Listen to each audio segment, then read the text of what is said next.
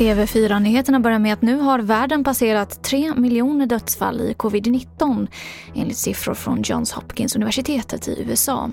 Närmare 140 miljoner smittofall har konstaterats och det finns just nu inget som tyder på att takten håller på att sakta ner.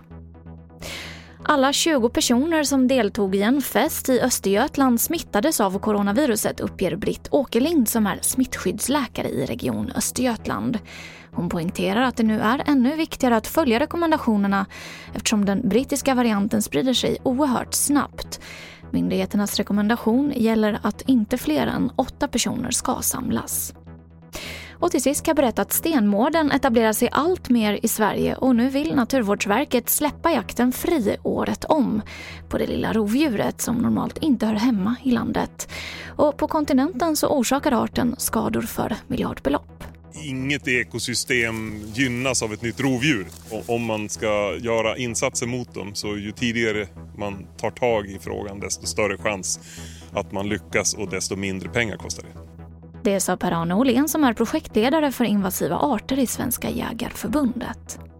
Och det var det senaste från TV4 Nyheterna. Jag heter Emily Olsson.